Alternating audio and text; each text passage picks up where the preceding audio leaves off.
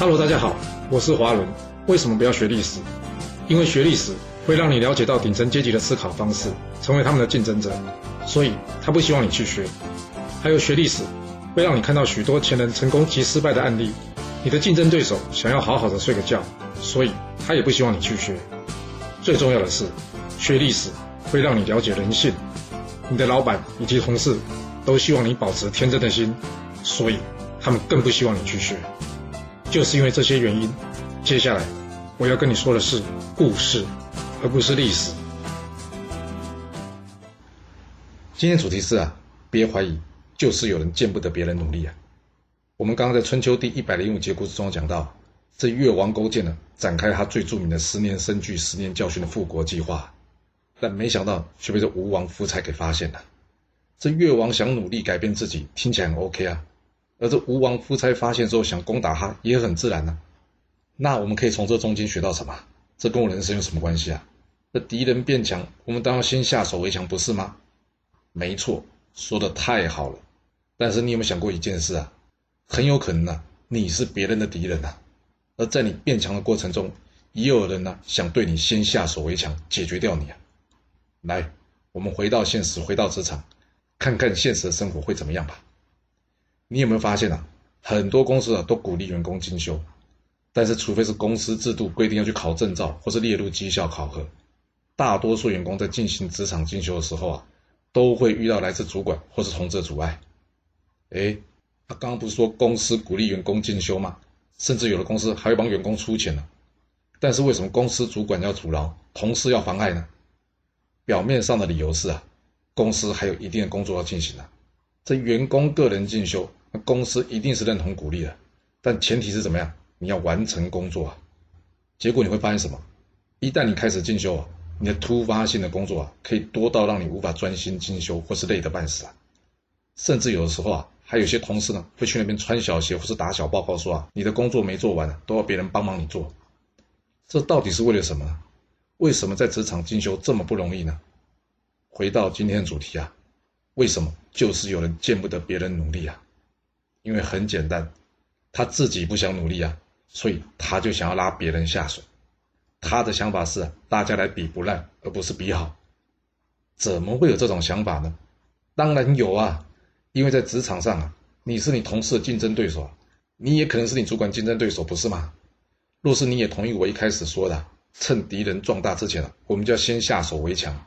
那你说，你的主管跟你同事是不是应该先下手？来除掉你这个将来可能变成他们强劲的竞争对手的人呐。所以说啊，在学校的时候啊，能多学就尽量学，因为啊，学校是最容易学习的地方啊。来到职场是来厮杀的，想要学习，在客观上啊，的确会有许多阻碍。那要是这么说，难道我到职场上就不要学习了吗？当然不是啊，来到职场上呢，还是要一直学习以及充实自己的，因为啊，只有自己的竞争力越来越强。才能在职场存活时间越来越久，不是吗？那你可能要问我说：“那你在说什么？又说职场不容易学习，又说是进修容易被人攻击，那又说要充实自己，努力学习，那这不就矛盾了吗？”这样说吧，来到职场要不要进修，要不要学习啊？这答案一定是肯定的，就是一定要不断充实自己啊，因为啊，投资自己啊，就是最好的投资。那主管同事的阻挠这件事要怎么办呢？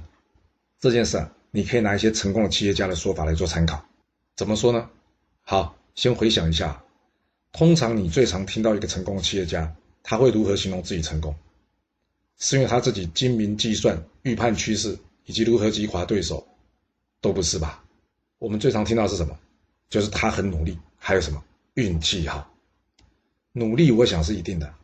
那你真的相信他是运气好？这一次好叫做运气啊？两次好呢，叫做运气超好；要是三次都好呢，那就表示什么？他有过人之处了。没有可能一直运气这么好的。那为什么他要说自己运气好呢？你只要想，要是你把你自己的竞争优势或是思考的方式说出来，那你的竞争对手是不是很容易在接下来战争中来打赢你？这不正是《孙子兵法》中所说的“善战者无智名，无勇功”吗？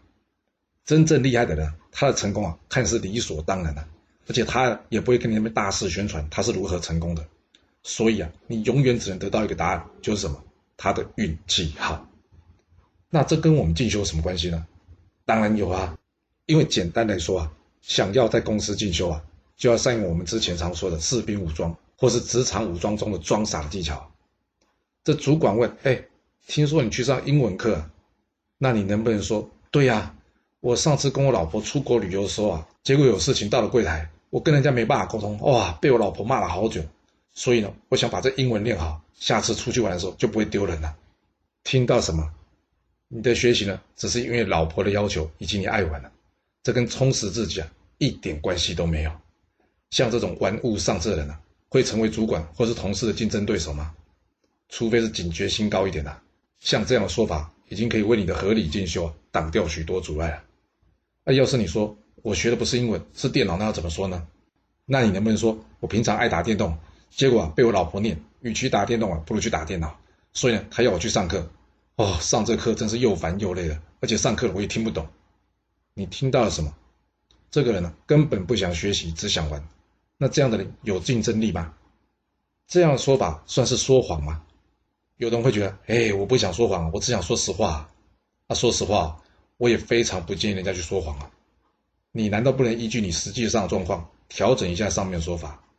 那重点呢，其实就是只有一个，就是让你的同事以及主管啊。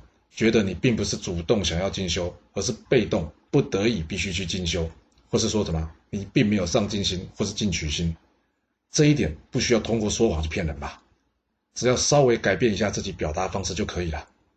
当然，在使用这一点之前呢，一定一定一定要搞清楚你的主管是什么样的人啊。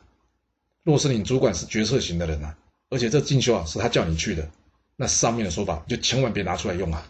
又或者是说呢，你的主管是专家型的人，而且在能力上高出你许多，并且常常指导你工作啊，那你在进修的这件事啊，在他眼里来看，对你是加分的，你就没有必要遮遮掩掩的。不过对同事呢，还是可以保守一点说，哎呀，这个东西真的很不好学啊，有好多地方你都不太理解。当然了，要是你的同事是属于资源型或是梦想型的，你的进修啊，就或多或少会带给他们压力。那上面的说法呢，就可以拿出来使用。关键就是什么？那就是啊，你必须学会藏拙啊，或是白话来说就是装傻。职场就是战场，职场也是江湖，除非你退出战场，退出江湖，不然有些江湖规矩你还是必须遵守，这样才可以活得好，活得久。你说是吧？若是你有其他想法，也欢迎留言分享你的看法给大家哦。好啦，我们今天先说到这。如果你就是不听我的劝，想知道完整版的故事内容，你可以从说明栏找到我爱故事频道的连结。不过记住哦，你是来听故事的，而不是来学历史的。要是您喜欢这个频道，麻烦您动动您的手指，追踪、留言，或是给我五星评价的支持以及分享。谢谢您来收听，我们下次再见。